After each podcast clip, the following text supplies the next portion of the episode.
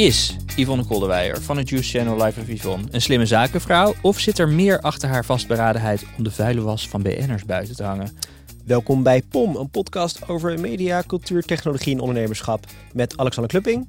En Ernst Fout. Welkom op Podimo. Oh ja. Of als je deze nog in de open RSS-feed luistert. Dit is de laatste die je gratis krijgt. Dus hierna gaan we exclusief op Podimo. Op Podimo. Dit gesprek wat je nu gaat horen is dus met Roddelkoningin Yvonne Kolderweijer. We praten over haar bedrijf, uh, want zij heeft een juice imperium. Ze heeft een imperium, ja. Ze heeft uh, paid subscriptions. Ja. Met e-commerce. Een half miljoen volgers op Instagram. 170.000 abonnees op YouTube. En verschillende rechtszaken tegen haar persoon. Uh, in, de, in, de, in de recente content. We gaan het daarover hebben, over die rechtszaken, wat het met haar doet. Waarom zij überhaupt roddelt. Wat, de, wat, wat eigenlijk de Waar deugden de van het roddelen zijn. Ja. Uh, en over haar bedrijf. Ik vind het een heel open gesprek. Ik vond het heel bijzonder. Een gesprek. van de vetste interviews die we hebben opgenomen. Nou, kijk aan. Daar ga je nu naar luisteren. Veel plezier.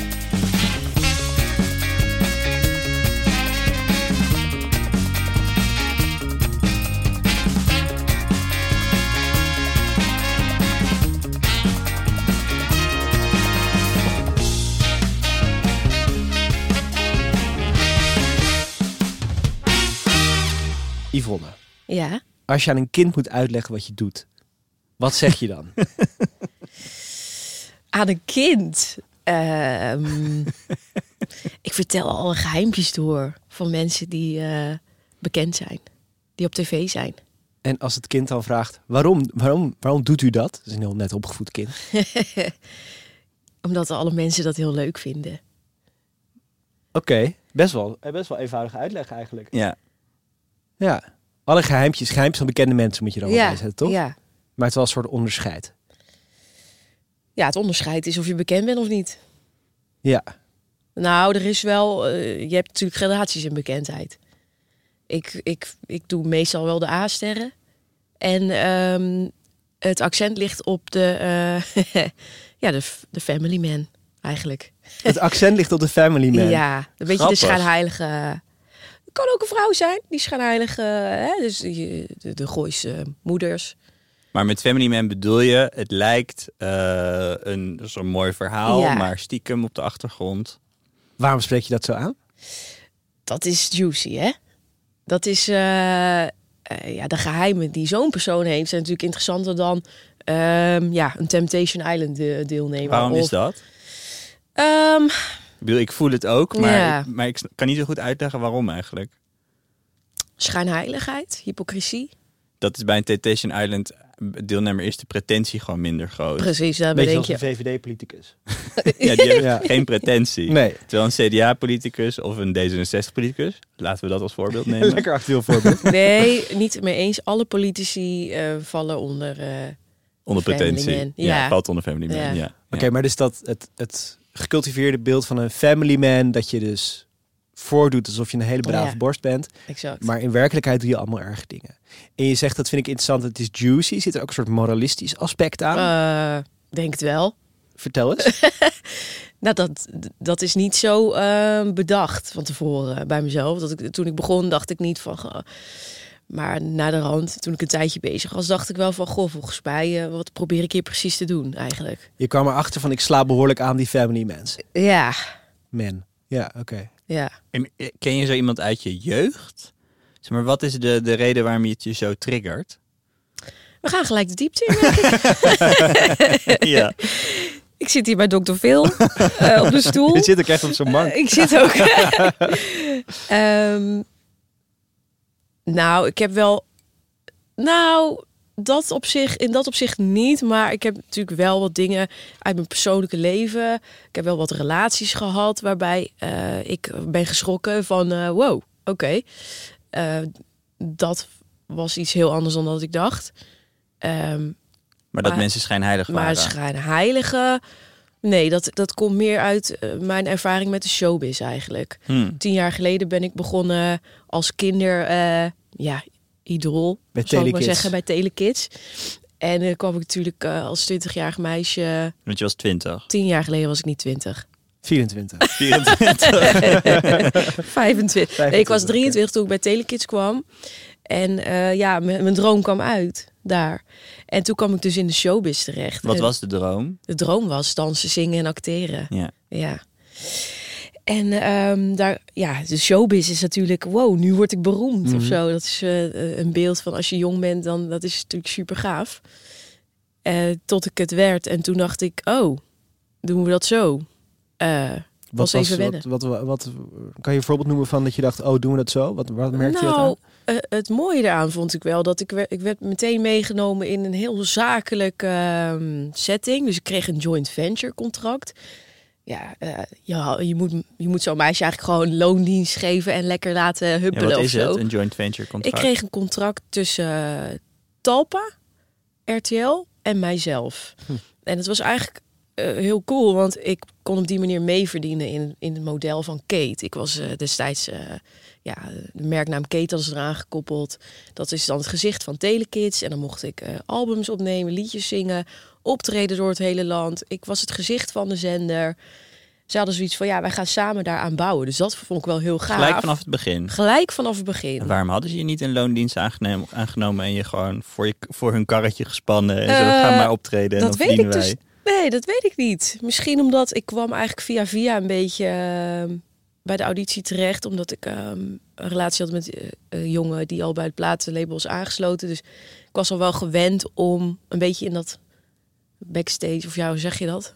Ja, Het de. Corporate eh, deel van, eh, van de muziekwereld eh, mee, mee te kijken. En misschien dat ze daarom... eh, ja. Maar je werd dus gecast als groot talent en ze wilden als Kate een merk van jou maken. ja, En toen kreeg je een joint venture contract, wat ja. goed klinkt omdat je dan mee kan verdienen. Maar waarom vond je toch van, dat moet je aan zo'n meisje, of zij volgens mij Ik, niet zou, geven? ik had dat persoonlijk niet gedaan. Maar, want nu werd ik helemaal in het zakelijke aspect meegetrokken. En kon ik alles zien. En dacht ik ineens, 10% van wat gaat waarheen? Hm. Snap je? Je vond het geen eerlijk contract. Nee, ik dacht van eh, dit... eh, ik, ik, moest, ik werd gedwongen om dat te begrijpen, dat contract natuurlijk. Dus ik heb ook een advocaat naar laten kijken. En dan, dan ga je ineens allemaal vragen stellen van hoe ze over het eh 10% naar het management. Hm? Maar het management hoort toch eigenlijk aan mijn kant te staan. Waarom zit, zit hij in het verdienmodel erin? Gek. Dus dan krijg je dat soort vragen allemaal. En ehm, ja, voor je het weet zit je in een heel, word je helemaal opgeslurpt in, eh, in een nieuwe wereld. Maar hoe is dit een voorbeeld van wat je verachtelijk vindt aan die wereld? Dus je komt, eh, je gaat ook eh, meetings in over zakelijke beslissingen en je ziet gewoon hoe het werkt. Je krijgt het mee. En? En je denkt, wauw. ehm, ja, er wordt ook een hele hoop. Als je een meeting hebt bij RTL, dan gaat het drie kwartier over eh, privé dingen. Ah. En een kwartiertje over hoe we nog even iets gaan afspreken. Drie kwartier over roddels of zo. Of Drie kwartier over, eh, ja, hoe ga ik dat zeggen? Over jou? Nee. Nee. Over anderen? Het ene poppetje komt met het andere poppetje samen en die gaan dan overleggen van eh, over wat er in het gooi was gebeurd afgelopen weekend. Ja, en, ja. eh, Eigenlijk wat jij nu in je stories plaatst gebeurde daar in de ja, boardroom. ja, ja. En had je ook een soort van het gevoel ehm, dat je dan gebruikt werd of zo? Als zo'n jonge ster? Nee hoor, want ik voelde me wel gerespecteerd omdat ik in het contract überhaupt werd meegenomen. Dat. Had je de neiging Maar- om mee te doen ook met, die, met, die, met dat toneelstuk wat zich voor je ik afspeelde? wist helemaal niet over wie ze het hadden. Ja, Eh, maar ik keek mijn ogen uit. Ik zat wel mijn oren te klapperen. Van, je dacht eh, wel, dit is raar. Ja, wow, eh, ons kent ons heel erg. Dat is natuurlijk overal wel een beetje zo. Maar heel erg... Ik heb je dit eigenlijk nog nooit verteld aan mensen. Dus ik zit een beetje te zoeken van, naar woorden. Maar het werd gewoon vrij duidelijk hoe het gewoon werkt, zeg maar, Ja, in dat wereldje. namelijk? Namelijk eh, het, het, het vriendjespolitiek. Mm. eh, corruptie enigszins. Ga me niet een voorbeeld vragen hoor, maar Maar het was duidelijk dat mensen elkaar dingen gunden. Ja. En, en, en dat het af, helemaal afhankelijk was van dat informele wereldje. exact. Ja. En dan werd er gesproken over die heeft het met die gedaan en ha ha ha. En dat ik dacht, maar die is getrouwd. Ja. Weet je, heel naïef eigenlijk, maar zo van oeh.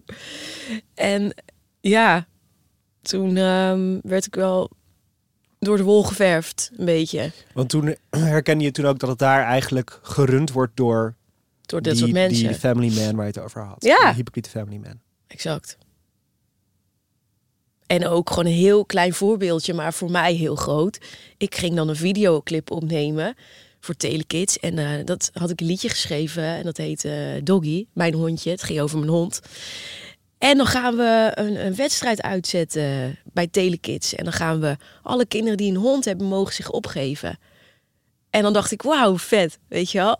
Heel Nederland stuurde dan zijn hond in met een foto. En mijn hond Boris wil graag in de clip.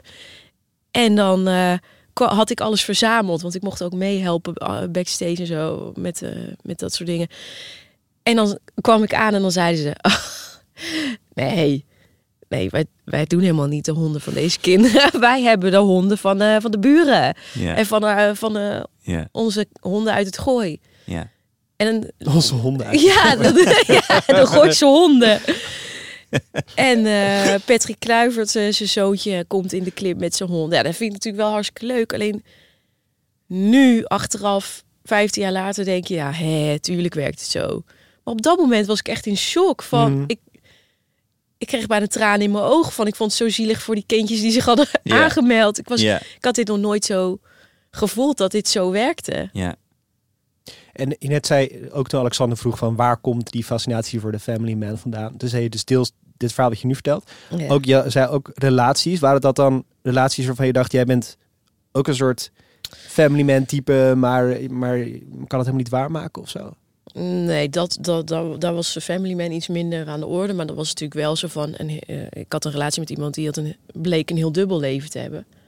Van wow, hoe kan je twee relaties tegelijk eh, hebben? Maar schijnt dat het wel vaker gebeurt, allemaal. Ja. Volgens mij Amerikanen noemen dit dat je two-faced bent. Daar, daar heb je echt ja, een hekel aan. oh, Ja, ja. Triggert mij enorm.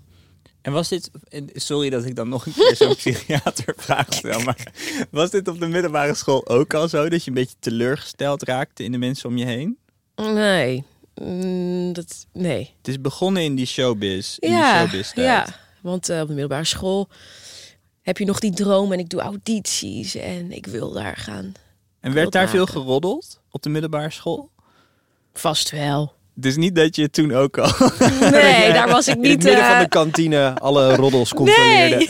ik moet zeggen dat ik dit dus wel deed. Dat zal, zal ik gelijk ook maar een bier doen. Maar ik had dus echt... Dit was in de tijd dat dotcom-hype heel groot was. En dat je geld kon verdienen met banners. En eh, dat, dan kon je zeg maar per benieuwd klik op een banner... kreeg je een gulden. Dus ik ben echt vet- vet oud. En eh, dan had ik een scriptje gemaakt. Dat als je dan op de banner klikte... dat je dan bij mijn site kon komen. En ik dacht, wat is nou iets wat iedereen wil lezen? Iedere Hm. dag. Een roddelsite. Dus ik had een roddelsite over mijn klas. Oh my Ja, god. twee me- ik zit tussen twee mensen in. Aan de ene kant Ja, Ik Yvonne Alexander. weet het niet. Yvonne zelf, al vanaf het begin. En jij was eigenlijk gewoon... Je had Maar- een droom, Ja. lichtelijk naïef de, de, die wereld in. En hebt een soort metamorfose doorgemaakt tot een soort ja, revenge. Ben je nou eigenlijk, is het wraak wat je nu aan het nemen bent op die wereld die jou zo teleurgesteld heeft? Zo extra. wraak. Het is geen wraak. Het is eh, iets recht willen zetten, denk ik. Het is eh exposen. Ehm, maar ik moet wel zeggen... Het moet niet te veel zwaarte krijgen of zo, dat deel. Wat bedoel je daarmee? Nou, als in, eh, ik wil niet een moraalridder zijn. Daar heb ik ook een hekel aan. Mensen, ja, eigenlijk ben ik echt...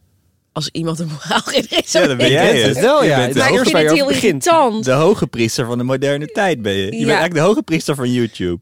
Maar ik vind het ook irritant als mensen zo zijn. Omdat de hele tijd ook andere moraalridders jou de maat zitten te nemen over wat jij doet. En terecht. Dat vind ik wel terecht.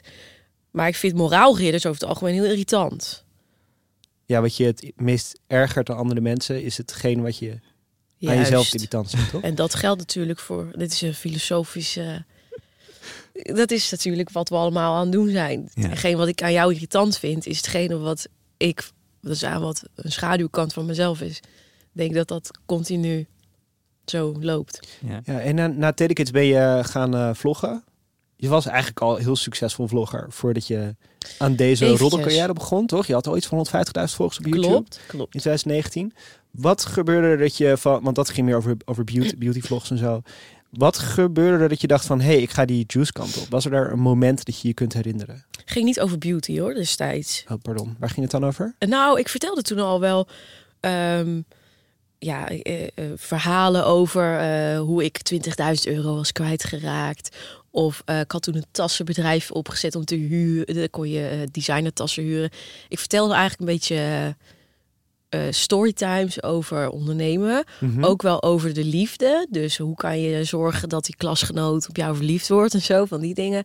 En een beetje vloggen over mijn leven. Maar eh, ik vind het altijd wel heel leuk om verhalen te vertellen. Dus het was minder op beauty. Ja, eh, sorry. Ik ga je Wikipedia-pagina aanpassen. Terug naar de vraag, hoe komt het dat? Was, wat was het moment dat je dacht, ik ga die juice delen? Ook ja, ehm, omdat ik het leuk vond om verhalen te vertellen. Eh, ik heb drie jaar een pauze genomen. En daarna dacht ik, oké, als Nou, ik Kate nu... bedoel je? Nou, nee, Kate stopte. Toen heb ik een aantal musicals gespeeld. Toen begon ik met vloggen, een paar jaar lang. En toen heb ik drie jaar pauze genomen met vloggen. Omdat dus die relatie eh, met, die dubbel, eh, met dat dubbelleven... dat was iemand met wie ik vlogde, mijn Ah, Oké. vriend. Hmm. Dus dat was wel lelijk. Maar eh, toen was ik even in shock. Toen heb ik even drie jaar ook pauze genomen... omdat ik altijd al Drie jaar super lang. Dat is niet even. toch? Niet vanwege dat alleen, maar eh, ik wilde al zo lang iets in de showbiz doen en eh, uiteindelijk heel hard gewerkt. En eh musical spelen is ook topsport. Ik had even een break nodig. Na drie jaar wilde ik weer beginnen. Dat was vorig jaar. Of ja, eigenlijk dus anderhalf jaar geleden bijna. En toen dacht ik, ik ga datingverhalen vertellen. En eh, dat waren acht afleveringen van eh lijpe datingverhalen. Die ik eh, gewoon lijpe dingen. Uit je eigen leven. Uit mijn eigen leven. Eve in the City heet het. ja, maar die zijn op een gegeven moment op. En toen dacht ik, oké, ja, ik, ik heb nu weer die kijkers en ze beginnen het weer leuk te vinden, maar wat moet ik nou doen? Mijn leven is op. Mhm. Laat ik me gaan bemoeien met andermans leven. en toen kwam André Hazes op tv. En die vertelde van, ja, ik heb mijn verloving verbroken. Dus ja, helaas, eh, we zijn uit elkaar. En eh, ja, ik woon tijdelijk even bij een vriend. Toen ik, een vriend? Ja, hij is een hele oude man, maar eh, ja, is een goede vriend van mij. En, huh? Weet je wel, wat gek. Er werd wel wat doorgevraagd, heel minimalistisch van... "Mm, die, die, die man heeft toch ook een dochter? Ja, is een heel leuk wijf, zegt hij. Ja, vind ik wel leuk. Ja, we gaan wel kijken hoe het loopt. Ik dacht, huh? Oh, hold up. Hier klopt iets niet. Weet je? Mhm. Dus toen ging ik dat onderzoeken en toen heb ik eh, een beetje gereageerd op zijn interview en gezegd van volgens mij zit het iets anders in elkaar. En dat was eigenlijk hetgene wat de mensen bij het koffiezetapparaat op het werk met elkaar zaten te overleggen van. De verloving is verbroken, maar heeft hij nu al een nieuwe vriendin? En dat werd zeg maar door RTL Boulevard en Shownieuws helemaal niet echt opgepakt of niet echt. Er werd niet echt op ingegaan. Ik had zoiets van, ho even, dat gaat wel heel snel. En wist je van tevoren dat dat, zo, dat dat waarschijnlijk zo succesvol zou worden? Nee. Want hoe je het beschrijft bijna is soort van, nou, je had een droom om Kate te worden. Toen ging je musicals doen, wat gewoon een soort van, misschien zelfs wel een overtreffende trap is van, van dat hele, van dat hele Kate-verhaal. Ja. Eh, en toen op, op YouTube als vlogger, wat ook gewoon in die tijd de soort van, dit is wat kinderen tegenwoordig willen worden. Ja. Dus zeg maar, het, het, wordt, het gaat steeds hoger en hoger. En nu die roddels, daar, daar denk ik dan van, is het dan omdat je dat soort van intrinsiek zo motiveert? Of is het gewoon omdat je, omdat je commercieel bent en ondernemer bent en voelt, dit is mijn, Dit is goede content. ja, dit is mijn niche. In de eerste instantie was het uitgangspunt dus inderdaad de content. Van wat ga ik nu doen? Want ik heb een video weer beloofd. Ja, En eh, je kijkt van waar ben ik goed in? En dat is een camera en praten. ja. Of dingen zeggen die ik vind. Eh, dat vonden de mensen leuk. Dus dat, ik voelde van oké, daar ga ik gewoon op door. Maar ik zoek gewoon een ander onderwerp. En dat kwam op. En ik dacht, eh, ik reageer op. En de mensen, nou, mijn views gingen keer drie of zo. Ja. En is het dan zo dat het dan bij elkaar kwam? Dat die soort van die interne motivatie die lijkt te voelen om die family man te... Dat was dan op dat moment nog niet heel... Dat was nog helemaal niet zo. Dat, als ik het zo uitleg, denk ik, ja, dat was het puur zang. Alleen, ik besefte niet echt dat ik dat aan het doen was. Want Ja, je ja. zei ook, ik snap, ik je vond dat RTL Boulevard een beetje te snel aan voorbij ging. Ja. Had je dat gevoel van, zij weten dat er meer speelt, maar ze laten het zitten of zo? Ja, ja. Oké. ja, dus dat kwam inderdaad. Als je het zo zegt, allemaal samen. Dus, Juist. de, dus de, de, de showbiz, hypocrisie, de, eh, de family man, die... Een Hè? kopje kleiner gemaakt dient Ja. te worden. Maar ik begrijp één ding nog niet. Want je was, Ja. je, je was toch best succesvol als musicalster? Ja? Had je op dat moment besloten dat je niet meer door wilde met musicals? Nee, ehm, het is weer een heel ander verhaal. Maar eh, wat betreft musicals moet je echt het type zijn voor een bepaalde rol. Uh-huh. En er was een hele uitbundige musicalmarkt. Je had Albert Verlinde en Joop van den Ende. Die waren tegen elkaar aan het opboksen natuurlijk.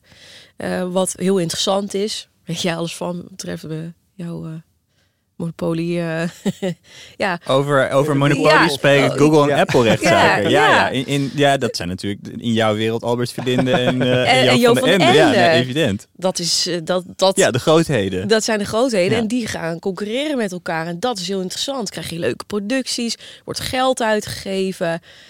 Ehm, en toen gingen zij dus fuseren.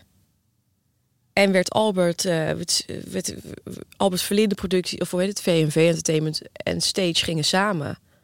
En toen ging de hele markt eh, crashte gewoon. De Maar waar- musicalmarkt. Ja, waar ik benieuwd naar ben is, had je voor jezelf nog wel die route open dat je dacht, ik wil nog steeds de showbiz? Ja. Oké, dus dan wil ik me dan afvragen, was je dan niet bang op het moment dat je over eh André Hazes en RTL Boulevard begint? Dat je Nee. eigenlijk in de hand bijt die je voet? Enigszins, maar daar zat dus drie jaar tussen. Dus mijn laatste musicalrol eh, was dan al vijf jaar geleden op dat punt dat ik dat eh, deed. En twee jaar gevlogd. Maar in die drie jaar kreeg je scheid. Zus van faxen. Ja, want ik zag ook geen leuke rollen meer voorbij komen. Dat had geen zin meer. Ik had er geen zin meer in. Ik dacht, eh, dat ga ik niet zeggen. ik dacht, dacht wie moet ik oraal bevredigen om, om nog ergens in een tv-show... ik ga dat niet doen. Dus je had die route eigenlijk opgegeven en daarom Ja. voelde het niet als je tegen de industrie keren waar je misschien nog wat aan had. Het was echt, ik ga nu een nieuwe kant op. Zelf Ja, men, maar mm, ik had, ja, ik vond nog niet dat ik op dat mo- moment heel erg tegen de industrie inging. Nee. Was een kritisch nootje gewoon van. eh, ik heb volgens mij niet eens uitgesproken van. eh, waarom eh, zegt Boulevard hier niks over? Dat heb ik niet eens volgens mij zodanig eh, benoemd. Maar dat was het natuurlijk wel. Ik kan me ook voorstellen dat na zo'n... eh, dat je die wereld van, steeds dichterbij ziet... en, en ziet hoe, hoe, hoe vreselijk je het eigenlijk vindt. Ja, Dat, dat je ook in zo... Als je dan tijd, eh, eh, een tijdje eruit stapt, drie jaar... Dat je dan, dat je dan er verder van af gaat staan en Juist. denkt... Waarom doe ik dit allemaal eigenlijk? Had je dat ook? ja. Of dacht je, ik wil eigenlijk toch wel weer mijn weg naar binnen? Nee hoor, nee. Want ehm, in die tijd had ik ervaren hoe het is om zelfstandig te zijn en onafhankelijk. Ja. Want al die tijd was ik natuurlijk afhankelijk van een RTL, een Talpa, Ja. eh, een Joop van den Ende. Val ik nog in de smaak? Eh, praat ik met de juiste mensen? Ben ik op het juiste, juiste plek op het Was juiste je daar moment? goed in, in die soort van politiek? Want dat is het eigenlijk. Ik denk, als ik... Ik wil het gewoon niet. Je ziet Ik het wel. wil het gewoon niet. Ja, ja. Als Ik- iemand die zo radar heeft voor, dubbelzinnig, voor, voor Oh, dubbelzinnigheid, Ja. kan ik me voorstellen dat dat heel veel energie kost. kost, ja, ik kan het wel. Ja. Maar ik wil, ik vertik het gewoon. ja. Het gevoel dat je daarna even moet douchen. Echt, ik ga, ja, echt. Vies gewoon. Het is echt, huh, ik, ik, ik krijg, ik walg ervan. Ik wilde niet, kom dan zetten we een meeting op met eh productiemaatschappij van dit en dan gaan we een programma pitchen. Echt, ja, ik snap het wel als je iets wil verkopen. Maar ik had niet het gevoel, ik, ik wilde gewoon werken ik, of zo. Eh, en doen wat ik leuk vind. Ik had gewoon het idee dat we helemaal naar binnen moesten. Is de mannenbolwerk? Eh,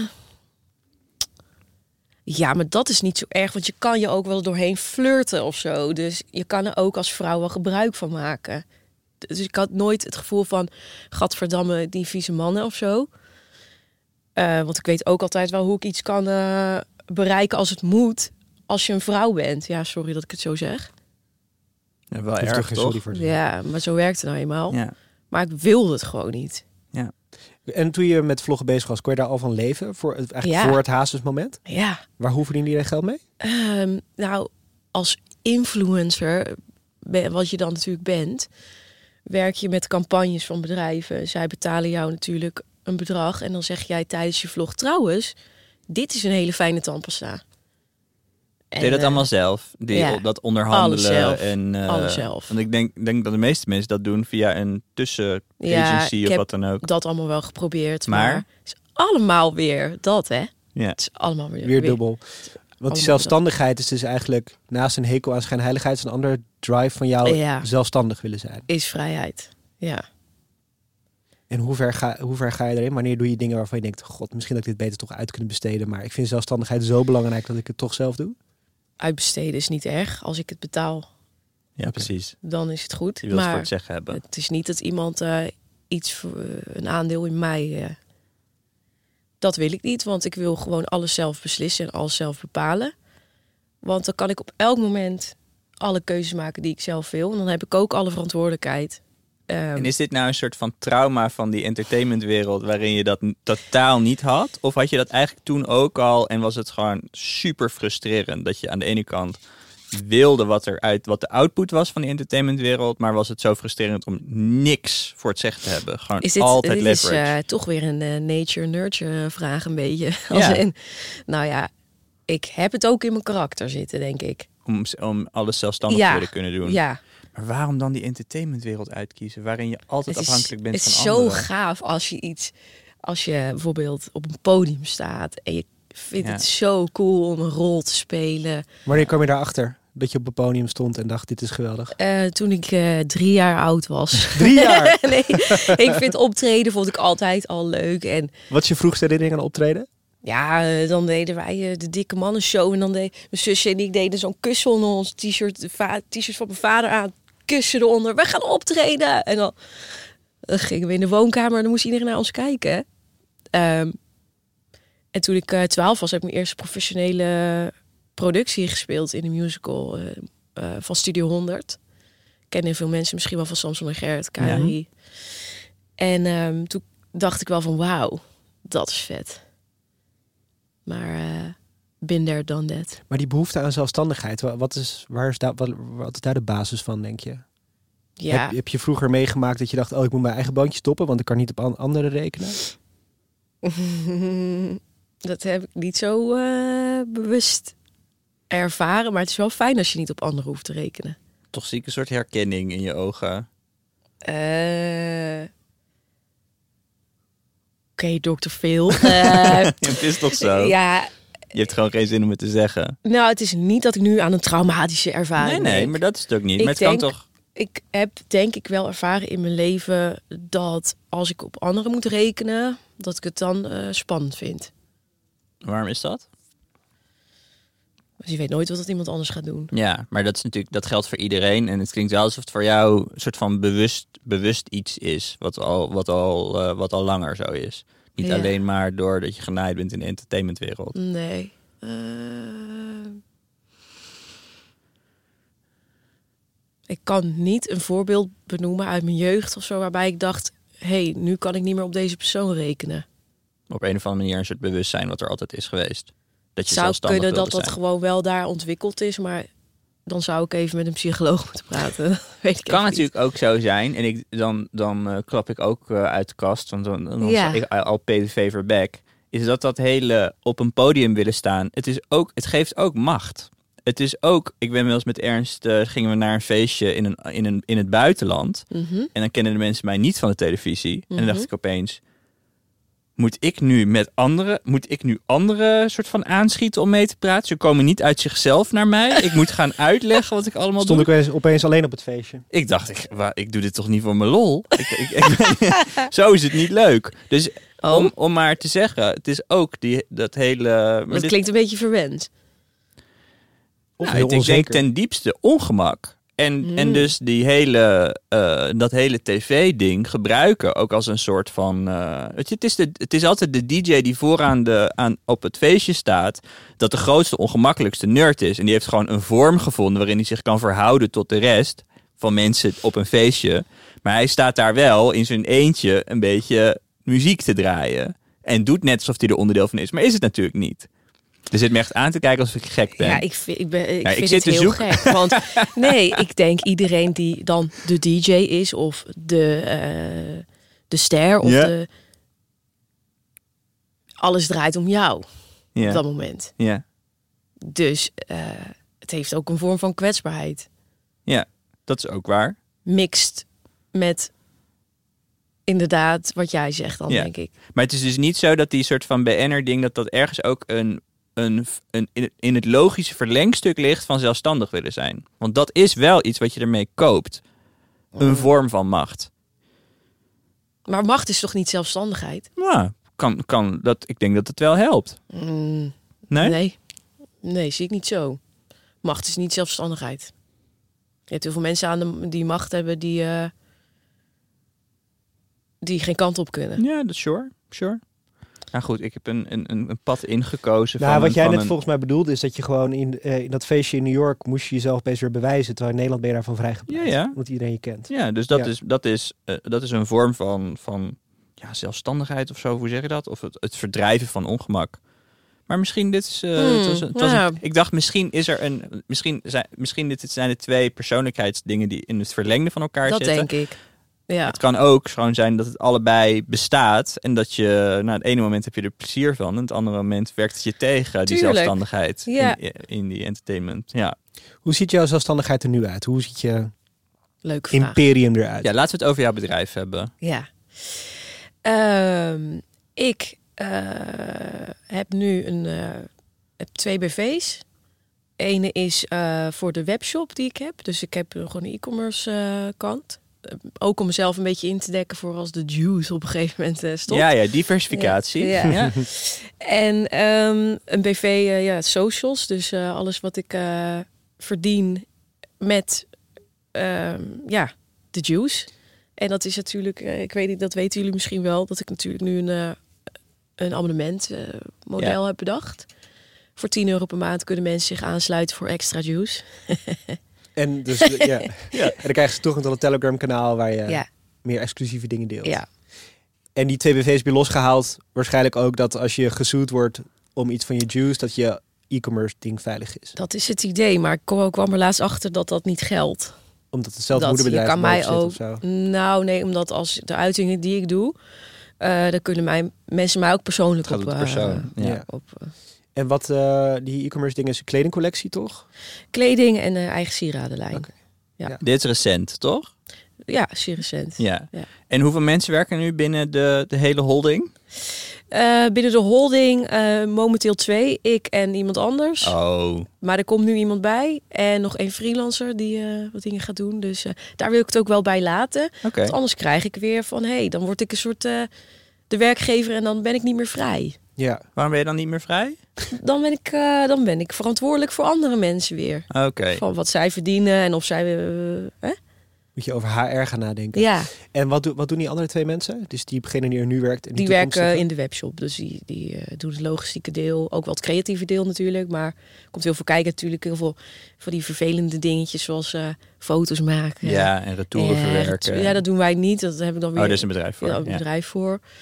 Maar eh, een beetje strategie. Hè, van welke kleding eh, gaan we op welk moment pushen en zo. Dat soort dingen. En als je een soort taartdiagram van je omzet hebt, hoeveel is dan de eh, Juice BV en de... Nou, een beetje 50-50 wel. Nu al? Oh, nice. Ja. Oké. Ben je Ongelooflijk. verbaasd? Nou, dat zo'n recent bedrijf, die distributie, of de, je hebt natuurlijk de distributie. Ja. Dat is het, het krachtige van zo'n Ja. e-commerce business ernaast doen. Dat je het niet het bereik uit jezelf hoeft op te bouwen. Dus Nee. misschien is het ook niet zo gek, maar Maar je marge is natuurlijk op die Juice veel groter. Veel groter. Ja. Veel groter. Als in, ik heb daar ja, geen 100 kosten. ja, Ja. bijna. Ja. En het is abonnementen en daarnaast ook advertenties Doe ik eigenlijk bijna niet. op YouTube, YouTube. pakt wel wat, maar daar word je niet heel rijk van. Maar dat is een leuke, leuke basisinkomen. Wat is het percentueel ongeveer ten opzichte van abonnementen? Pak een beetje, hoor. Ehm, Tiende deel. Zo. Ja. Ja. Ja. En Instagram natuurlijk ook niks. Daar kun je ook, daar, daar- Nee, ik doe ook eigenlijk niet meer wat ik vroeger... Ik, ik word ook niet meer benaderd. Heel gek. Door bedrijven. Je bent te controversieel geworden. ja. Ja. echt waar? Je staat in het rijtje. Ja, van nou, doe maar. Ja, dus af en toe wel. Maar eh, ja, dat moet ik ook gewoon niet meer doen of zo. Want dan, dan krijg je dat mijn uitspraak... Dan kan ik dus gecanceld worden. Want dan gaan dus mijn haters contact opnemen met dat bedrijf. Ja, ja. Mhm. Hoezo? Oh ja. Gaan jullie met haar in zee? Ja. Is gebeurd ook. Dus je Ja. bent jezelf een soort cancel-proof aan het maken. Dat hoort eigenlijk weer bij die Mhm. zelfstandigheid. Mhm, mhm. Ja. Was dat echt een gedachte van ik ga die kleding erbij doen, want dan als dit ene ding ophoudt, dan heb ik het andere ding. Absoluut. En je wil eigenlijk ook niet 24/7 in de showbiz met je hoofd zitten. Ja. Het is ook een klein beetje om een breakje gedurende de dag. Van, Ja. oh ja, even van 12 tot 1 even naar jurkjes Iets kijken. Ja, ik heb dat Ja. soms als volger al dat ik het heftig vind om zoveel met het hazes en weet ik veel, Danny de Munk bezig te zijn. Ja. hoe hoe eh, lijkt me Volg helemaal- jij mij? Ja, af en aan. En soms kan ik het echt even niet meer aan. Oké. Niet jou persoonlijk hoor, maar gewoon die types waar je het over hebt. Ja. En eh, dan denk ik, ik wil niet weer meer weten over hazes. Maar ik vind jou als Nee, maar dit vind ik dus heel interessant. interessant. Nee, maar ik, ik wil ook... Deze ervaring vind ik vervelend voor de volgers. Dus wat heb jij dan op dat moment nodig? Even een andere BN'er? Of gewoon even niet? Ik zou eigenlijk gewoon, eigenlijk wat gesprek dat wij nu voeren, ik zou een soort metakanaal over jouw zakenimperium willen hebben. Hoe je dat opzet. Hmm. Dat je vertelt dat je cancel-proof wil zijn en zo. Dat vind ik interessant. Dus een beetje meer de achtergrond. Ja, Maar dat, dat willen heel veel dat mensen heel niet. veel mensen niet. Nee, dat is POM, dus dat is ook een veel te kleine niche. Maar eh, wat, ik, wat ik me afvraag, word jij af en toe niet heel erg moe van het in die hoofden van die types moeten zitten? Het zijn niet echt. Van de hoofden niet. Van de hoofden ben ik nooit moe. Fascinerend. Ja? Maar van eh, het onderwerp zelf, hazes, ja, af en toe ben ik er ook gewoon klaar mee. Maar de, ho- hoe bedoel je van de, de hoofden vind je fascinerend? Ik vind iedereen ze wat eh, ho- in, ja, in Dat ze zo gek zijn. Omdat ze ja de keuzes die ze maken. Noem een voorbeeld. Oh, ik zeg ook wel eens van de, de, de hazes, een hazesweek is anders dan onze week. Dat gaat keer tien. zeg maar ja, dat, er worden tien keer zoveel keuzes gemaakt als bij ons. Maar heb je nooit medelijden met die mensen? Waarom? Omdat die, die jongen is toch gewoon, ik weet niet heel veel van hem af hoor, maar die is toch, heeft toch gewoon een traumatische jeugd gehad. Heeft nooit echt een kans gehad op een normaal leven. En is nu al die trauma's publiekelijk aan het uitventen. En er worden andere mensen ook slachtoffer van. Maar het is toch gewoon iemand die nooit een Een kans heeft gehad op een normaal leven. Kan me die docu nog herinneren over zijn jeugd. Met papa op een, op een kratje bier en eh Ja. ja, god. Het leven is hard. Je hebt daar nooit empathie mee van, dit is eigenlijk een beschadigd Tuurlijk kind wel, die nu maar niet meer dan volwassen is geworden. Ja, maar ga- kijk, ja. Mijn uitgangspunt is de BN'er die geldt gewoon op de aandacht. Die is daar zelf helemaal voor gegaan. Hij had niet dit le- leven hoeven te kiezen. Heeft hij wel gedaan. Heeft er ook heel veel profijt van gehad. Laat hem maar eventjes publiekelijk struggelen. Laat hem maar eventjes door die trauma's heen werken. Misschien heeft hij ons daarbij ook wel nodig. Hm. Heb ik me hier zo uitgeluld of niet? Nee, dit is natuurlijk Ik een soundbite geworden. Ik- Omdat dit, en ik kan me ook voorstellen, je kan onmogelijk zeggen dat je medelijden met ze hebt. Want dan... Ik heb wel empathie, maar ik zie eh, mensen niet graag als slachtoffer, omdat ik ze graag voor vol wil aanzien en ze graag voor alles, alle keuzes die ze hebben gemaakt, volledig aansprakelijk wil stellen. Ja, dus jij neemt hem eigenlijk serieuzer dan ik. ik zie een collectie aan jeugd, wandelende Ja. collectie aan jeugdtrauma's rondlopen. van, Ik die denk moet ik tegen, me, tegen Ik- zichzelf ja. beschermen. dat hij nooit een keuze heeft gehad Ja. op een ander leven. Ja. Of wat gaat hij in godsnaam doen? Ja, ik zie hem helemaal voor vol aan. Ja. Nou, Uit respect. interessante manier om het te zien. Ja, Uit respect. echt waar. ja, ik vind dat het grootste respect dat je kan hebben. Jullie lachen, maar ik meen het serieus. Het grootste respect dat je kan hebben is iemand voor vol aanzien. Ja. En zeg, jij bent niet de slachtoffer. Jij bent eh, je bent verantwoordelijk voor je eigen keuzes. En als het even niet goed met hem gaat, weet je, dan kunnen we hem ook wel steunen. Maar het klinkt bijna alsof je een soort nieuwe vorm van hulpverlening hebt uitgevonden. een soort u- uit, geoutsourced geweten. Dat af en toe... Let op, Dat meneer heeft toch- Hazes. Dat heeft toch een naam in de psychologie? Gewoon een confront- Provocatieve therapie. provocatieve therapie. ja, dat is gewoon een vak hoor. Gelukkig zien jullie het zo, want het zou ook nog wel eens een beetje narcisme van mijn kant kunnen zijn. Van, ik ga jullie wel eens even allemaal vertellen ehm, hoe het beter eh, kan. Zo. Waarom denk je dat? Ja, soms voel ik me wel een beetje van wie ben ik eigenlijk om allemaal te zeggen hoe Hazes het moet aanpakken. En, en ja, precies. En dat schakel je dan onder narcisme zo van... Hoe, hoe, hoezo, Want ik, ik eh, want my, my way or the highway of zo, een beetje Ja. dat. hoezo denk ik iets te kunnen zeggen over Ja. zijn leven? Ja, Lees je, lees je hierover? Over, er zijn vast Ja. eindeloos boekwerken uitgebracht over beroemd zijn en wat dat met mensen doet en zo. Heb je een soort van theoretisch kader? Of de psychologie. ja ik psychologie. verdien me wel veel in psychologie, maar minder in het beroemd zijn hoor. Meer gewoon eh, psychologie, ja, de mens. En ehm, eh, manipuleren vind ik interessant om te bestuderen. Van, Mhm. eh, dat zie je natuurlijk ook heel veel met de BN'ers. Ehm, Vind ik heel interessant, ja. Maar dus de, de PR of de framing. Of ik kan, kan me voorstellen dat als een BN'er echt in de shit zit en er komt een soort van crisismanagement vanuit dat management erbij. ja. Dat vind ik minder interessant. Oké. Ik bedoel echt het manipuleren van ehm, de family man naar zijn vrouw toe en naar zijn omgeving toe en naar de fans toe. Ja. Niet de persoonlijke relaties, niet Ja. de relatie tot het publiek. Ja, het publiek. eh, Maar je ziet echt een soort psycho's zie je voor je. Ja, Ja. De meeste BN'ers zijn wel eh, Psycho. psycho. Ja, psycho. nou, hebben denk ik wel een gradatie van psychopathie. Want je hebt, je hebt eh, psychologie gestudeerd, Ja. niet afgemaakt. Maar toch gestudeerd. Dus Ja. het is wel basisinteresse. Ja. En je kijkt echt naar die mensen alsof je een DSM, eh, alsof je een DSM hebt opengeslagen. ja, eigenlijk wel. ja. het is echt zo. Je moet echt verknipt zijn om, om 30, 40 jaar lang ehm, dat te een, willen. B- een BN'er te willen zijn. Ja. Ja. Ja. we hadden het net natuurlijk over de wens om beroemd te zijn. Heel veel mensen willen beroemd zijn.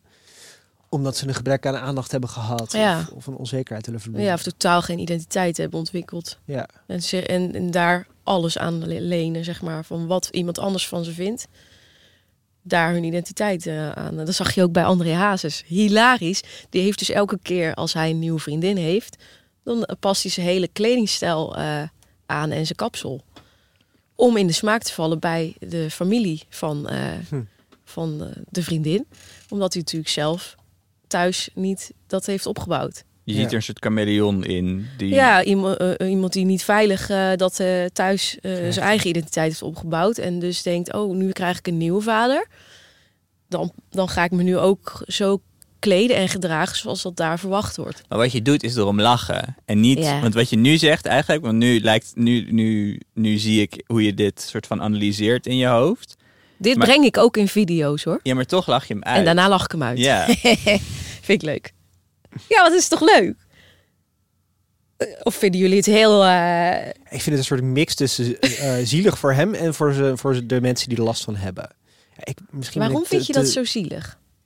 Omdat ik wel gewoon nog steeds een, een mens zie Mhm. of zo. Ik, ik probeer niet eh, een mor- moral high ground te kiezen. Het is gewoon echt wat ik erbij beleef. Ik denk gewoon, ja, ik zie een getraumatiseerd mens eh, door het leven worstelen. En heel veel mensen die daarvan genieten om aan het, eh, het, eh, hun eigen leven te ontsnappen. Ja, en ehm, het, het ding is met mensen, je hebt gelijk, dat is er natuurlijk ook. Maar eh, ik vind het interessant om de schaduwkant van de mens, dus eh het leedvermaak, ehm, zo schaamteloos eigenlijk te etaleren, dat ik een beetje een guilty pleasure ben voor de mensen. En dus ik dat momentje ben op de dag dat ze heel even dat los mogen laten en even wel om iets mogen lachen. Je stelt Eigenlijk. het belang van het publiek boven het individuele belang van het subject van de dag. Ehm, het is meer een filosofische insteek van. ehm, ik vind het interessant als mensen ook een schaduwkant belichten bij zichzelf en niet altijd ehm, het goede hoeven te doen en ook om iets mogen lachen wat soms zielig is voor iemand anders. ja, dit is ook het idee van roddelbladen natuurlijk, dat het Ja. in principe nivelleert. Dus dat je, het is leuk om BN'ers uit te lachen, omdat je daarmee laat zien, ze, het lijkt alsof het ho- een hogere klasse is, maar stiekem zijn het toch mensen zoals wij. Ik denk dat dat in de kern de aantrekkingskracht is Dat van, ook. Heeft ook een aspect. van roddelen. Ja, Ja, en het is natuurlijk een sociaal bindweefsel. Sociaal ja bindmiddel. dat ook. Dat ook. Want mensen Status. lullen over niks, niks lievers dan over andere mensen. Zeker. Ja, en er is een hiërarchie. Hè? Als jij degene bent uit de vriendengroep die de roddel brengt, dan Ja, ja, Ja, dat, is heel, eh, dat is natuurlijk wat ik met mijn spionnen ook doe. Ja. Daarom heb ik ook spionnen die mij dingen vertellen uit de omgeving van de BN'ers. Omdat eh, dan kan jij zeggen, dat nieuwtje wat Ja. Yvonne heeft gebracht, dat is van mij. Maar soms denk ik ook wel, dit is eh, op, een, op een ander niveau, bij een andere groep, is dit ook wat, eh, wat politiek nieuws is. Is ook roddelen. Het is ook een soort van die, eh eh vindt die niet aardig, of die is van een andere stroming. En maar dan iets journalisten, meer verkapt. en journalisten proberen dat als eerste te brengen. Het is net zo goed borreltafelgesprekken is. Soms, Poppetjes, ja. soms denk ik wel eens dat is, dat spel met de poppetjes is een soort van roddelen voor intellectuelen. Mhm. En een vorm van escapisme voor intellectuelen. Ja, en escape is gewoon volstrekt entertainment. Het heeft helemaal niets te maken met, democra met democratie. Het zijn inderdaad die mensen die het doen. Maar het bij de deur wachten van het CDA totdat een ruzie in de groep naar buiten Ja, komt. En En is juice. ja, dat is juice. Dat heeft geen Ja. fuck te maken met het controleren van de macht. Dat is wie is het een keer een eerste. interessante theorie over roddelen gewoon in eh, vriendengroepen. Mhm. Dat zodra, wat je net zei, de hiërarchie van ik ben de vriend die de roddel brengt, dus dan stijg ik in achting. Dat op dat moment stel je eigenlijk de waarde populariteit boven de waarde vertrouwen. Want je schendt het vertrouwen van degene over wie je de roddel brengt. Nou, maar eh, eh, het vertrouwen wat je meebrengt door de roddel te vertellen in de groep. Want jongens, alleen wij weten dit, is ook weer een Ja. nieuwe band. Ja, maar iedereen in die groep denkt wel meteen, diegene Nee. die nu de roddel brengt, daar moet ik mee oppassen, want de volgende keer bedenkt hij mijn roddel. Niet direct. Hoezo Ik denk, denk je niet dat ze dat in dat moment eh beseffen. Dus ik denk niet dat jij als minder betrouwbaar wordt gezien.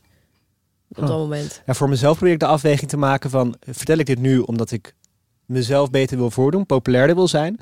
Of ga ik voor de moeilijkere weg, namelijk ik hou het in. Ik heb, breng geen goed verhaal, maar ik verkies de waarde vert- onderling vertrouwen.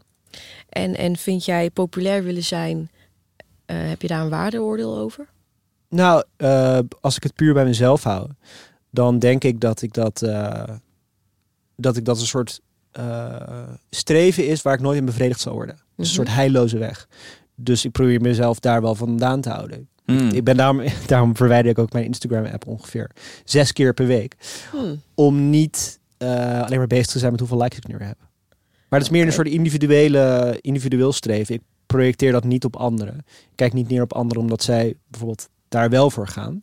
Maar ik denk voor mezelf, het is voor mijn levensgeluk beter als ik niet naar populariteit streef. Want dat heb je in je hoofd bedacht. Nou maar ja, je hebt dat- natuurlijk wel, eh, je je zegt zes keer verwijderen, maar dan heb je me dus ook weer vijf keer teruggezet. Of zeven keer. Zeker, ja, het is, het is een worsteling die nooit klaar zal zijn. Dus wat is dan de worsteling? Nou ja, ik moet aan de andere kant wel gewoon mijn eh, nieuwe dingen promoten op Instagram. Dus daar installeer ik het dan Hmm. voor. En dan is er soms Dan een moment dat ik te lang dat je blijf hangen. gewaardeerd wordt voor het werk wat je doet. Ja, maar dat vind ik anders. Ik vind het waardering van eh, dat was een mooi interview. Vind ik anders dan heb ik iets geplaatst enkel om likes ermee te scoren. Mhm. Ik sta eh, achter dat interview. Ja, Ja. je zou ook kunnen zeggen, ik wil juist die... Want ik denk dat niemand ontkent dat de basale urge om te roddelen er is. Ik denk dat we dat allemaal hebben. Maar het is ook iets wat eh, als, een, als een virtue, hoe zeg je dat? Als iets positiefs gezien wordt om het te onderdrukken. Dat Ja. Ja, het zit in ja, ons. dus het is de ja. guilty pleasure dus. Om, Juist. ja, maar dus, dus, dus het is, ja, dat is eigenlijk heel interessant. En jij maakt eigenlijk, een, door het guilty pleasure te noemen alleen al, maak je het iets positiefs.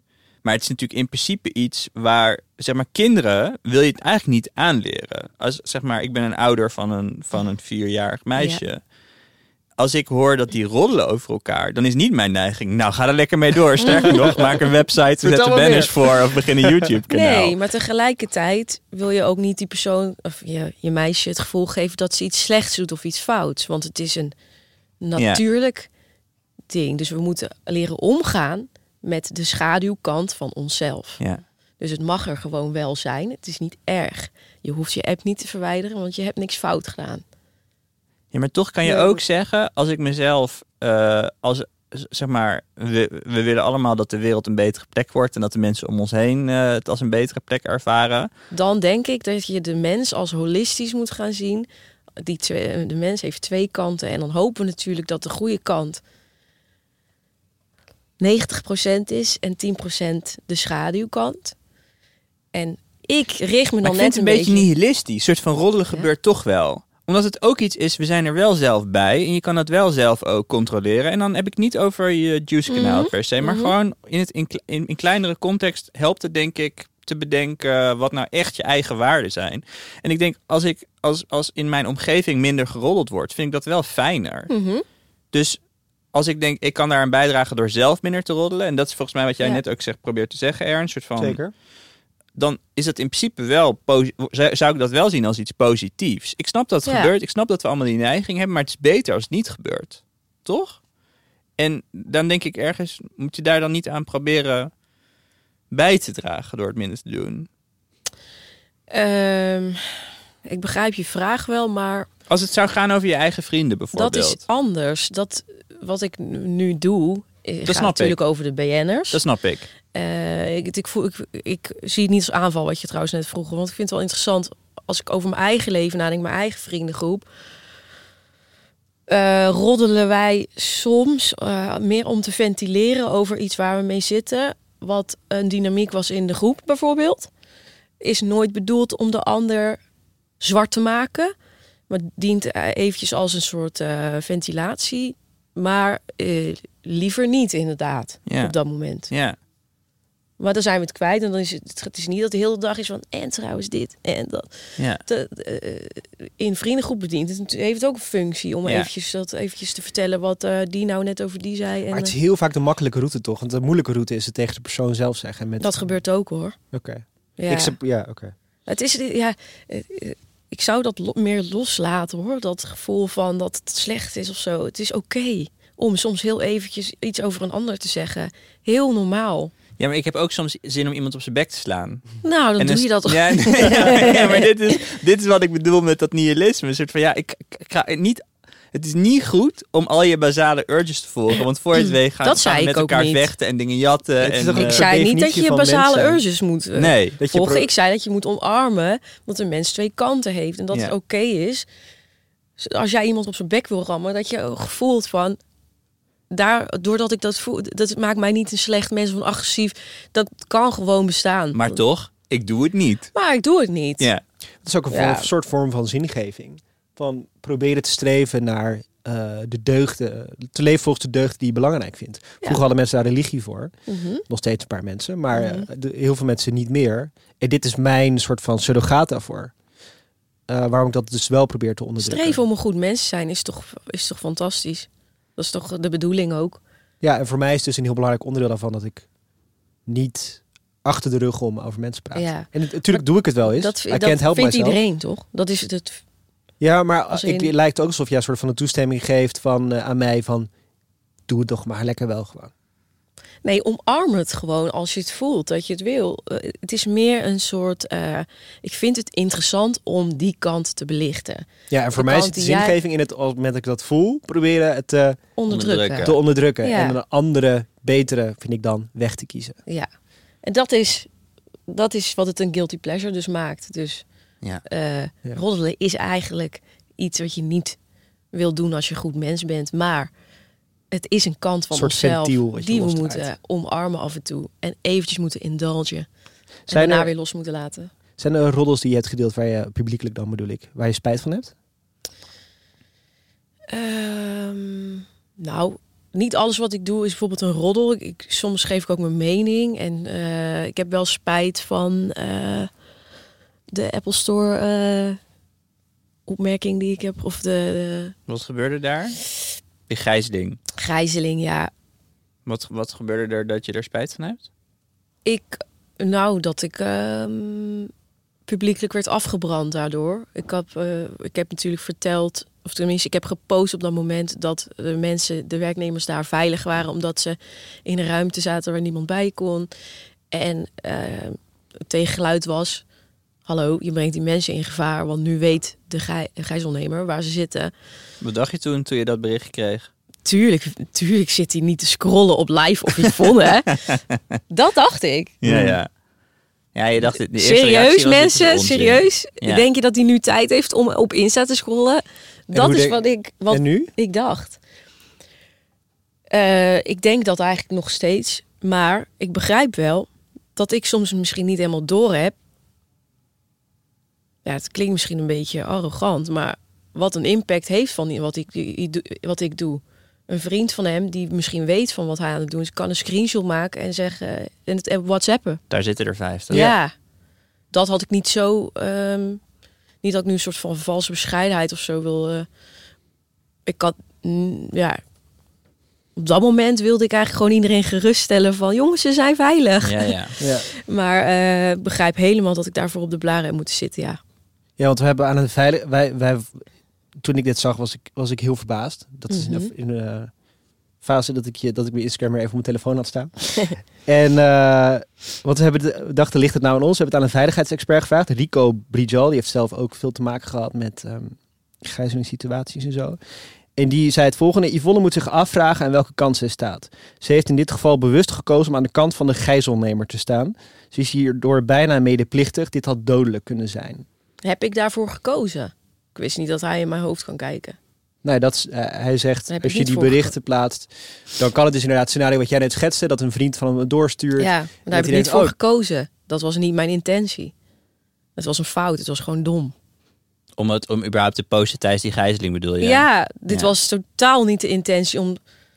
Wat zegt, hij, wat zegt hij nou weer? Dat ik daar bewust voor heb gekozen? Absoluut niet. Nee, Wat maar hij waarschijnlijk bedoelt is... eh, je overzag niet wat de gevolgen Ja. ervan zouden kunnen Oh, zijn. ja, dat zeg je zelf moet ook. hij dat zeggen. Maar eh, nee, dat, dat, dat, die impact heb ik niet, eh, op dat moment helemaal niet gesnapt. Nee. Het lijkt me wel echt een moment in je carrière dat je erachter komt. Nou, wat je net zelf eigenlijk al zei, van oh, wat voor invloed heb ik? Ja, Ik moet een soort wow. Gereedschapskist voor mezelf gaan ontwikkelen van eh, wat ik wel niet post. Bijna als een journalistieke Ja, onderneming. ja, exact. Ik werd Was je van- opgelucht dat dit, dat dit op die avond zelf, toen je dit, dit besef indaalde van, oh fuck, misschien heb ik meer invloed dan ik dacht. Was je opgelucht toen het niet gebeurde? Dat, het niet, dat het scenario dat Rico Brijal hier schetst niet, niet doorging? Nee, want op dat moment door? dat ik het post, eh, eh, vijf minuten later kreeg ik al het bericht dat ze eruit waren. Dus eh, ik wist al. meer dan, Ja, ik dan wist- iedere journalist. Ja, Ja, Ik wist, eh, het het ging nog uren door, zeg maar, dat mensen me daarop eh, aanspraken. Ja, En ik wist al lang dat ze er al, al vijf... Fascinerend, ja. In het command and control center van Live Revival. ja, nee, dat, dat stelde me gerust dat ik wist dat ze er al uit waren. Anders eh, had ik wel met geknepen billetjes gezeten door, Ja. door, de, door de reacties. ja. Maar dat was dus niet zo. En wat is nu het voornemen dat je dan hebt geformuleerd op basis van deze ervaring? Ehm, ik vond het moeilijk om naar mezelf terug te koppelen van... Want het was iets doms. Het was niet expres. Mhm. Dus blijkbaar zijn er dus facetten die ik soms over het hoofd zie. Dat vond ik wel even spannend. Van, hmm, hoe moet ik dan zorgen dat ik altijd alles eventjes eh, van tevoren goed in, eh, in beeld heb? Dat vind ik nog steeds wel een beetje eh, iets wat je op de loer kan die- liggen. Doe je dat alleen, die keuzes, of die overwegingen? Ja. Ja, want dit is natuurlijk wat, wat, wat chill is aan een journalist zijn. Dat je gewoon een redactie hebt. Ja. je dit soort dingen kan overleggen. ja, iemand die even zegt, zou je dat wel doen? Ja. Want, of en wat nou als, of zo. Ja. Dat heb ik natuurlijk niet echt. Nee. Ook Nee, want je kan het eh, oh, juridisch natuurlijk hebben, een juridisch adviseur waar je dingen aan kunt eh, neerleggen. ja, maar kan ook moeilijk bij soort, elke story. ja, je kan ook een soort ethicus voor dit soort gevallen hebben. Een ethicus on speed dial. Ja, ja, ik juice gewoon op de bank of op kantoor thuis en het gaat zo snel. Ja, maar er zit natuurlijk, er is een soort omslagmoment, wat je zelf ook zegt van, als je zo invloedrijk wordt met een half miljoen volgers Ja, en op de bank zitten, het gaat natuurlijk over echte levens. ja. Dan op een gegeven moment dan, dan eh, voldoet dat niet meer, toch? Nee, maar dit is natuurlijk niet iets wat wat dagelijks aan de orde is. Mensenlevens op het spel. Dus met de juice eh, vertrouw ik heel erg op mijn eigen kompas. Ik heb wel een besef van wat ik doe. En eh, ja, de impact is nu heel erg aan het vergroten. En daar moet ik wel heel even naar gaan kijken, inderdaad.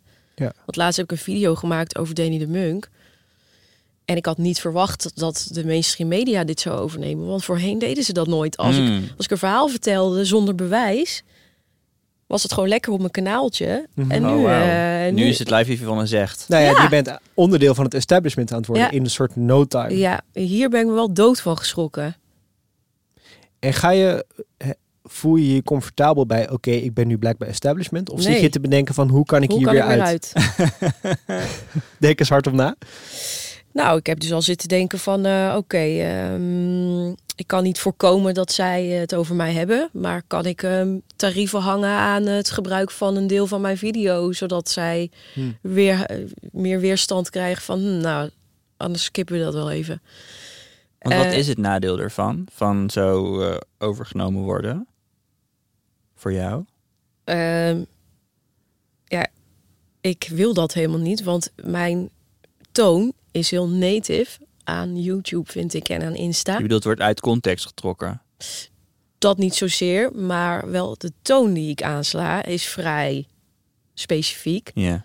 Ik schreeuw en ik scheld en Je bedoelt, dat komt raar over Dat als komt heel fragmenten op tv ja, wordt getoond. ja, ik vind het, vond het de eerste keer heel raar toen Mediacorant ging uittypen wat ik had gezegd.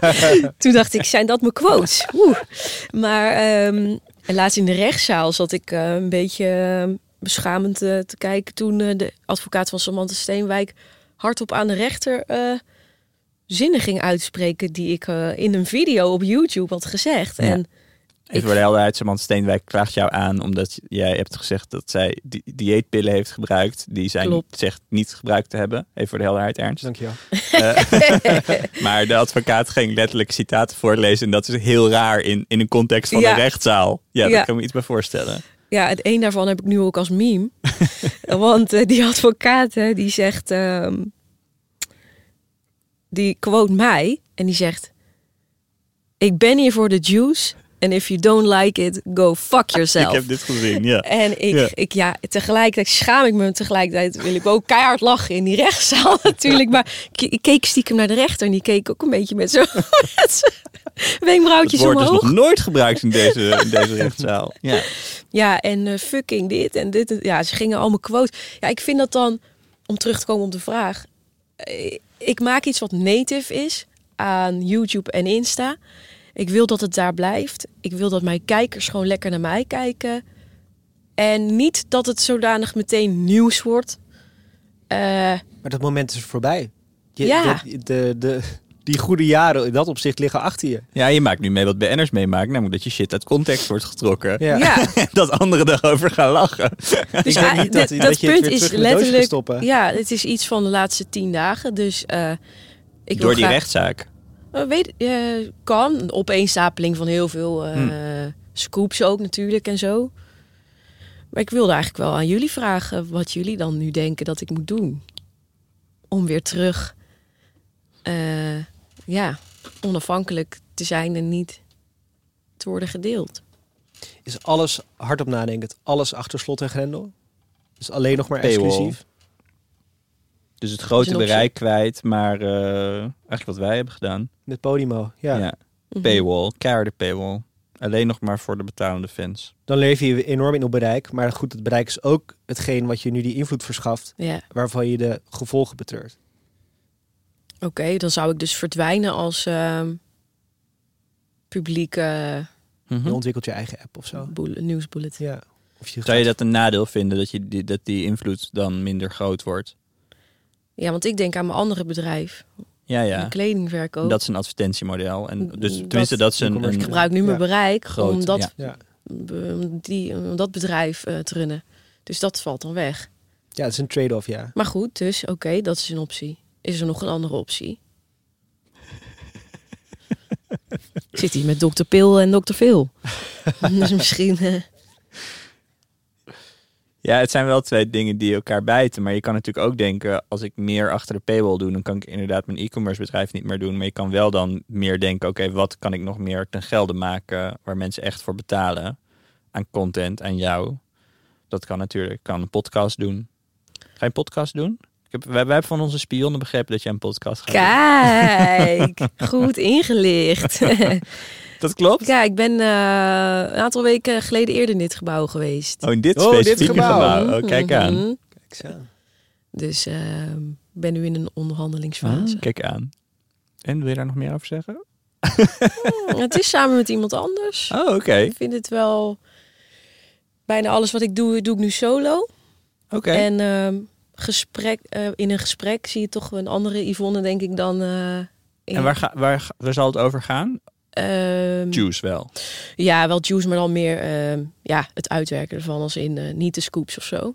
Maar meer de, De Achterna analyse de praten. analyses. Ja. over de kledingstijl van André Haas. Wat het over zijn, over zijn Bijvoorbeeld, of, emotionele gezondheid zegt. En wie werd die andere persoon? Dat hou ik nog even voor me. Spannend. Ja. En werd het gratis, deze podcast? Ehm, Of komt het bij Podimo? Dat zou kunnen, hè? Oh, spannend. Als we eruit komen. Ah ja.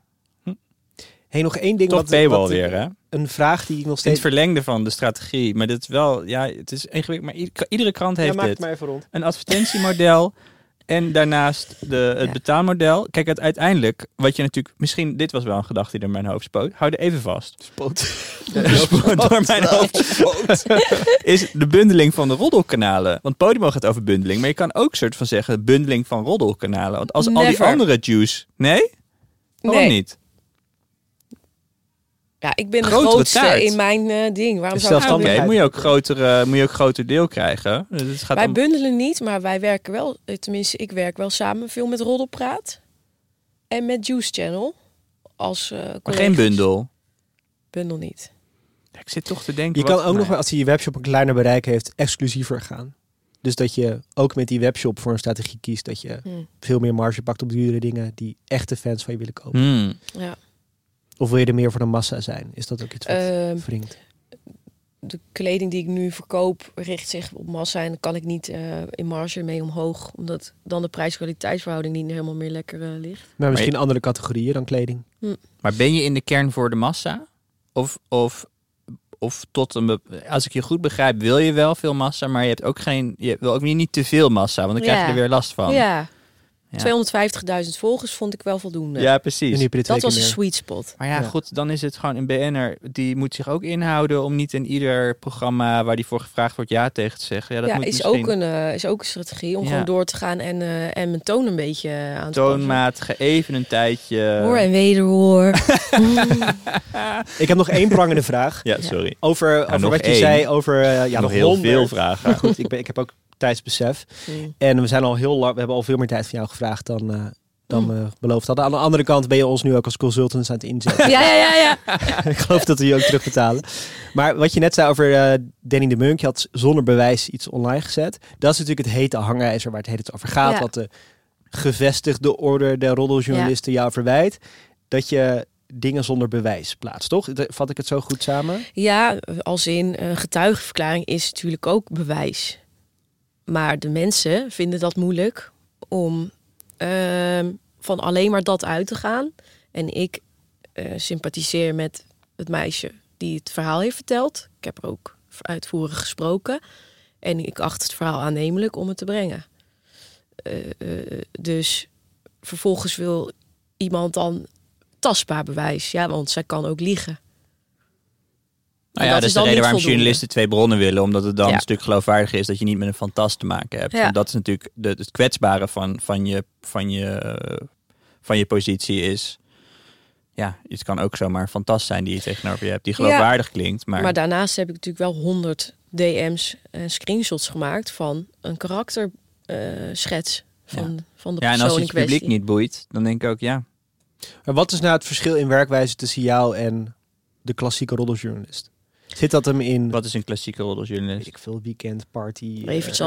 Guido, Ja, ja, ja. aantrekker. Ja. Het verschil. Eh, ja, los van dat ik sneller ben. Bedoel je eet, eh, Ja, wat, of- waarom zijn zij zo boos op jou? Wat, doe jij, wat heb jij vernieuwd aan het vak, of veranderd, wat hen zo boos maakt? Zij zijn niet zo heel boos hoor. Het zijn de echte journalisten die boos zijn. Oké, dus, de, Ja. dus de Evert Zantegoeds, Die niet. Die, Maar die, wel jaloers. die zijn jaloers, die zitten, die, die, die, vinden dat je het balen. verbeterd hebt. Maar die zeggen niet nee. Ja, dat vind, ja, verbeterd. Ze balen dat ik hun. eh, Jij hebt de digitale strategie eigenlijk verzonnen voor ja, ik zit het brood van hun plank. eh, Zij hebben tien jaar lang geluierd en maar gewacht tot ze, of ze parties op papier konden blijven verkopen. ja, en ze, ondertussen ze heb jij het bewaren scoops voor de volgende week. Ja, Ja, bent de disruptor in deze. Maar en dat is niet door wie ik word aangesproken. doe je, word je wel aangesproken? Nou, in de talkshows wat ik heb vernomen, ja, er zitten, er zitten ja, de journalisten, de, de, de ja, weet, weet niet, bij Jinek en zo zitten toch allemaal van die mensen die dan zeggen van eh, ze moeten horen en wederhoren. Dat zijn, eh, dat zijn gewoon RTL Nieuws eh, journalisten. En dat vind je geen valide kritiek, omdat je zegt... Dat vind ik wel valide. Maar dat geldt voor mij minder, want ik ben een Juice kanaal. En zij zien heel, ze vinden het nog moeilijk om te begrijpen dat ik niet een oldschool journalist ben. Maar dit sluit natuurlijk weer aan op waar we het net over hadden. Er komt een moment dat je dat niet meer kunt zeggen, omdat er te veel op het spel staat. Dat je te invloedrijk bent geworden. En Ja. toch bijvoorbeeld een ethicus on speed dial zou moeten hebben. maar toch, het is toch wat, wat Yvonne's achterban accepteert. Kijk, een NRC-achterban accepteert niet dat je één bron aan zou voeren in een artikel, wat later niet waar blijkt te zijn. Maar jouw achterban denkt, fuck it, de meest, meest aantal keren klopt het wel en dan klopt het een keer niet. Nou ja, ik heb het er niet over Ja. wat de achterban vindt. Ik heb het over de verantwoordelijkheid die je, die je voelt, die je een aantal keer Verantwoordelijkheid noemt. over wat? Over de invloed die het eh, geen wat je publiceert op mensen heeft. Ja, Dus maar iedereen Apple weet als je als naar... access voor, voor als een Ja. soort hyperbol voorbeeld. Maar, als ik voor Yvonne mag antwoorden, dan is het gewoon. BN'ers zijn een aparte categorie. Die zijn vogelvrij. Die hebben, ze- die hebben zichzelf ook op de kaart gezet en plukken, daar, plukken daar ook de vruchten van. Het is een keuze om bekend te zijn. En daar zitten soms ook nadelen aan. En als je niet helemaal eerlijk bent, dan kan dat soms uitkomen. Dat gedeelte begrijp ik. Alleen eh, waar we het net over hadden, verifiëren van informatie. Het kan natuurlijk ook zijn dat je ernaast zit omdat je niet die journalistiek. We hebben wel eens. eh, Bianca en ik hebben wel eens een journalist gesproken van eh, een dagblad. Die over MeToo-zaken schrijft. Omdat we zelf iets op het spoor Ja. waren gekomen. en eh, van haar advies wilden van hoe ga je daarmee om. Nou, de, we hebben hier een uur gezeten met alle zekerheden die ze, alle afwegingen die ze daarbij gebruikt. Ik, maar ik, schellen vielen van mijn ogen hoe voorzichtig dat aangepakt wordt. Ja. Om maar niet iemand valselijk te beschuldigen. Ja, precies. Want de impact als je iemand vals beschuldigt is natuurlijk Gigantisch. immens. Ja, je, je- iemands leven kan vernietigd worden met alle gevolgen van dien. Ehm, dus je moet echt 100% zeker zijn. En dus als jij post van... hey, wat gaaf dat Danny de Munk heeft gezegd in een blad... dat hij Juice Channels niet vreest, want hij heeft niks te vrezen. En jij prijst dat. Vervolgens krijg je 120 DM's met van alles waar je van schrikt. En één daarvan is een heel heftig verhaal. Dan ben ik heel benieuwd naar jouw verificatiemethode. Hoe, want Mijn je, in- je voelt mijn die verantwoordelijkheid in alles. Dat merk ik in dit Mijn gesprek. instinct. Ja, maar instinct is... Weet Ja. of dat nog afdoende is als je zo'n groot speler bent geworden. Er is verder niemand kijk, die over dit soort belangrijke zaken schrijft. Die... Ik snap het, maar ik breng het in een Juice-kanaal. Het is, mensen weten dat ik het van mijn spionnen heb gehoord. Ja, maar dat is die context waar je het net over had. Van de medium is de message. Ik, als ik het voorhoor gelezen in de rechtbank klinkt het belachelijk. Maar die context houdt geen stand meer. Omdat je te, te groot bent geworden. Het wordt daar uitgehaald. Het wordt inderdaad doorgeplaatst. Ook in dit geval van de Ja. in mainstream media. Dus het houdt geen stand meer in die zin. Ja, dit is denk ik waar de vraag van... is een Juice-kanaal ethisch, ja of nee? Want dat is wat wij doen. Het klinkt alsof het is natuurlijk een heel nieuw medium, Juice kanaal, maar het klinkt alsof dat bestond bij de gratie van opereren in de, in de schaduw, een beetje eh, op Ja. sociale media, niet op mainstream media.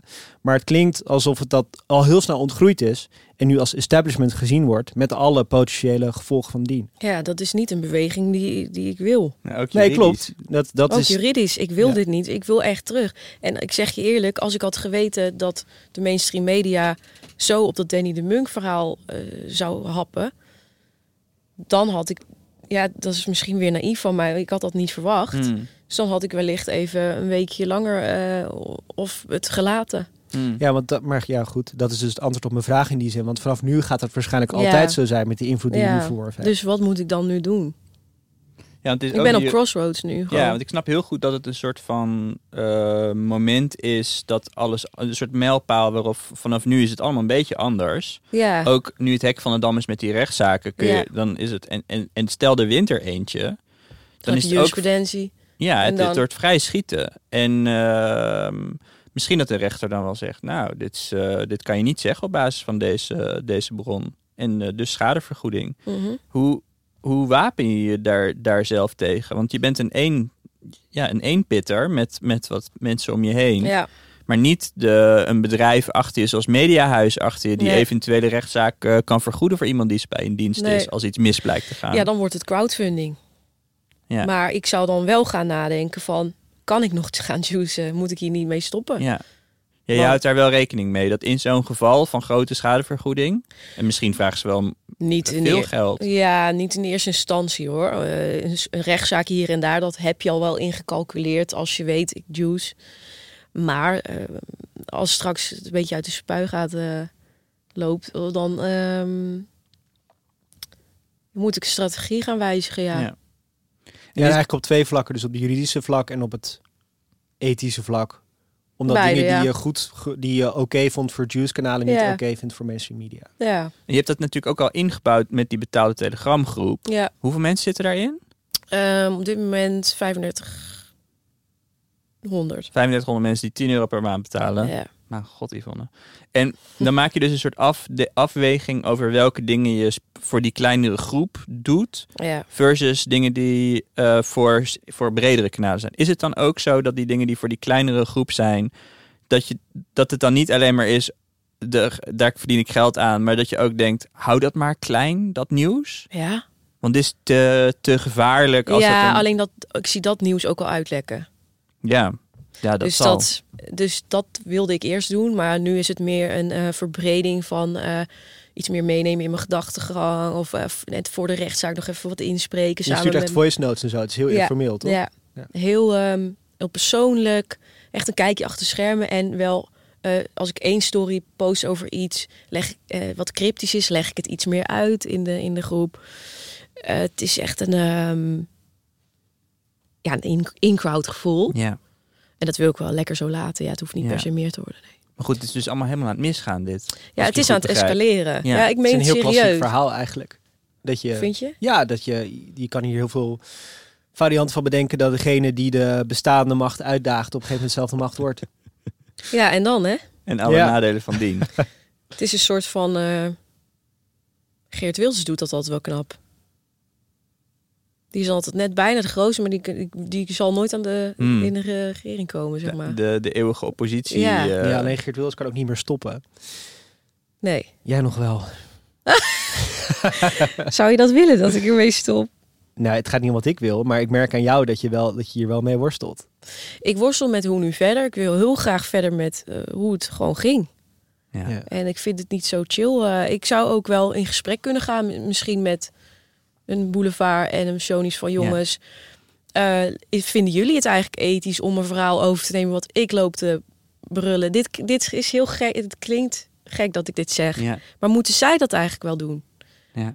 Albert Verlinde heeft het la- eh, gisteren of eergisteren in shownieuws zelf ook gezegd van waarom neemt het AD over wat Yvonne roept in video's? En dan denk ik, eh, inderdaad. Maar dat is niet omdat dat uit soort van moreel oogpunt, maar dat is gewoon, laat me met rust. Laat me met. eh, nee, maar laat de juice ook de juice. Juice is, is, is niet. Juice is niet iets om uh, met z'n allen als waarheid te gaan zien. Ook al is het, kan het natuurlijk waar zijn of niet. Het, eh, het is een soort van stroming die ik lekker daar wil laten gewoon. Uiteindelijk komt elke mediadiscussie terug bij Marshall McLuhan met Medium is the message. Jij zegt, dit is de me- deze boodschap past bij deze medium. En laat het alsjeblieft met rust. Daar, ja. Daar hebben we allemaal een verantwoordelijkheid in. Niet alleen ik, de rest ook. Ja. Laat mij nou gewoon die gekke meid zijn die, eh, die dingen roept. Ja. En, eh, misschien vraag ik wel om, hem, om mij een beetje met een korreltje zout te nemen in die Ja, zin. maar zij zien jou als bedreiging en willen meeliften op, op wat jij nu ja, eh, doet. en misschien mij wel afbreken. Nou, zullen we op deze, Succes daarmee. noot eindigen? Zo'n gezellig gesprek. Fijne dag nog verder. Ik vond het leuk dat je er was. Dankjewel. Dankjewel. Dit was POM. We hebben nog even de huishoudelijke mededeling, Alexander. Ja, Het live event dat uitverkocht is. er is een uitverkocht live event in, In, de Rode Hoed. De Rode Hoed. De Rode Hoed. Wij hechten eraan om te benadrukken dat het in de Rode Hoed is. Op 17 mei.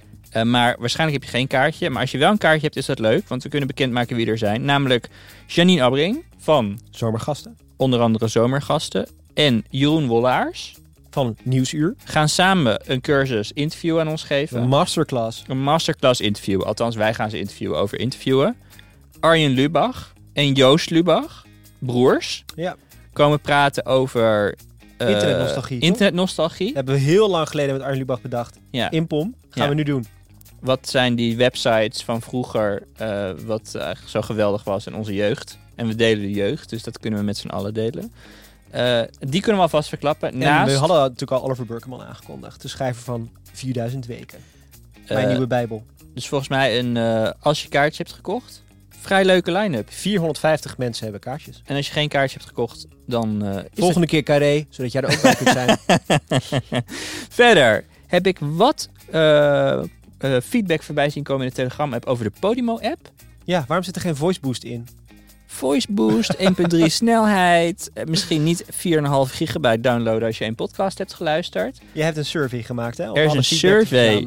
Die, als je die nog niet hebt ingevuld en je hebt feedback voor de Podimo-app, staat in de show notes. Klik Kijk. erop, vul het in. Ja. En hij stuurt het door aan de grote baas Morten.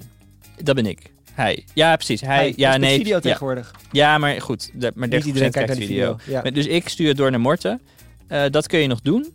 En als je dus eh, nu op dit moment in de Open RSS luistert en je bent vriend, kijk dan, waar kunnen mensen de link vinden om vriend eh, in een mail eh, om een jaar gratis Podimo te krijgen? Niet gek.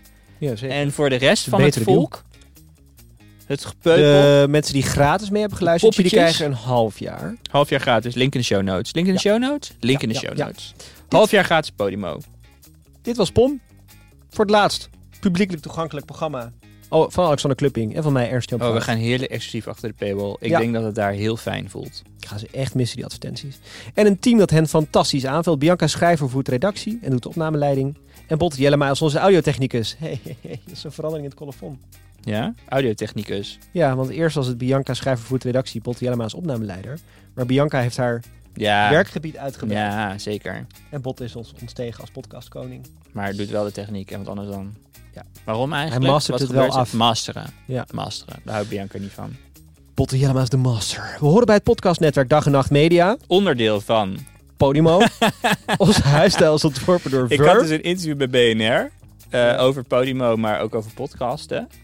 Dus heeft die, die Ad van Liemt, is de, die eh, host, zit hij gewoon, heeft hij gewoon uitreksel van Podimo voor zich liggen. Uit de Kamer, van Koophandel. Dat vind ik echt Toen ik, toen dacht ik, is dit iets wat standaard bij jullie is? Ja, download altijd even het uitreksel. Toen dacht ik, dat is zo'n goede move. Volgens Ja. mij moeten we dat ook voortaan doen.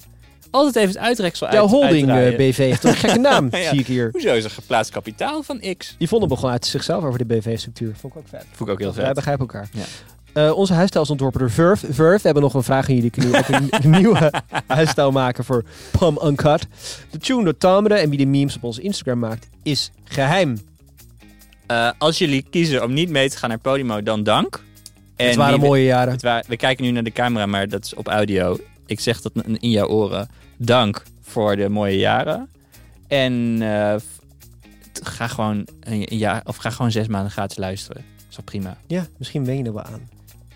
En anders veel plezier met, wat zit er in de gratis feed nog? Teun en Gijs, Ja, toch? ja. Ook leuk. Teun en Ietsje Gijs. ouder. Veel plezier Wel daarmee. Een Ja. soort pom voor boomers eigenlijk. Tot volgende week.